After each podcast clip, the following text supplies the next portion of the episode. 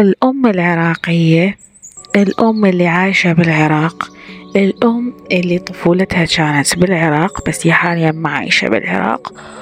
كل هاي الأمهات عندهم مشكلة مشتركة تحدي لازم يوعون بيه يكونوا واعيين عليه اللي هو آه إن هم ما نشأوا بطفولة طبيعية إن هم كانوا يعانون من مشاكل آه ولا زالوا يعانون من أثر الطفولة القاسية اللي عشناها كلنا كأطفال آه في العراق. ولحد الآن للأسف الظروف صعبة. من خلال تجربتي ويا ابني أنا عندي طفل عمره راح يصير آه بعد شهرين عمره خمس سنوات. فمن تجربتي أحب أنقلها لكم طريقة حلوة ومبسطة وأحاول أنه أفيدكم وبنفس الوقت أستفاد منكم. الشيء اللي كلش أحب أحكي بيه هو موضوع الأمومة. طبعا هواية أسمع ريبات آه اللي هي الإيجابية أو التربية الحديثة. بس أني أريد أسمعها من أم عراقية عايشة كل ظروفنا وهدفها الأول هو الأم. بصراحة أني أشوف أنه الأم التركيز عليها وعلى تلبية احتياجاتها الخاصة هو أهم خطوة وأول خطوة لعملية التربية الناجحة.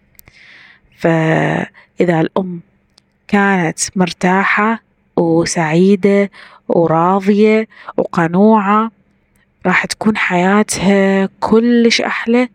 وبالتالي البيت والأطفال والزوج راح يكونون كلش سعداء وكلش مرتاحين.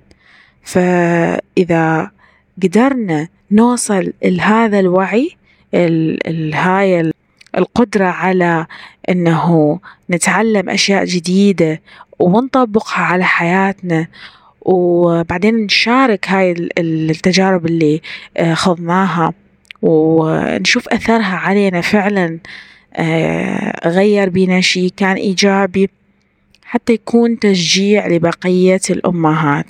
إنه تكون أنت شخص عايش بالعراق راح تتعرض لهواية انتقادات فمثلا بس نحكي موضوع التربية الإيجابية. أول شي راح يجي ببالنا هو إنه أنت بطران إنه أنت مثالي ما عايش ويانا. ما تعرف الصعوبات اللي تواجهنا وأيامنا شلون دا تمشي. لا أني إنسانة عايشة بالعراق طول حياتي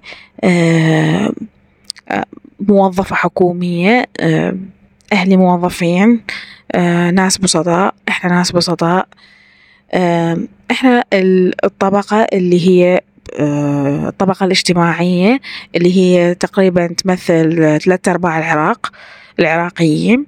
فلا أنا أعرف أنا أعرف الأم العراقية شنو تحتاج شنو لب المشاكل اللي تعاني منها. وشون نقدر نحلها؟ بس مو بطريقة سحرية. إحنا نحتاج هواي وقت نحتاج هواي توعية وحديث ومناقشات وندوات وهواية طرق حتى نقدر إنه نغير بهذا المجتمع اللي إحنا بيه. الموضوع مو سهل يراد له هواية بس إن شاء الله. أول الغي في قطرة. إن شاء الله يا ربي تكون بداية حلوة. إلي وإلكم. شكرا لحسن الإصغاء.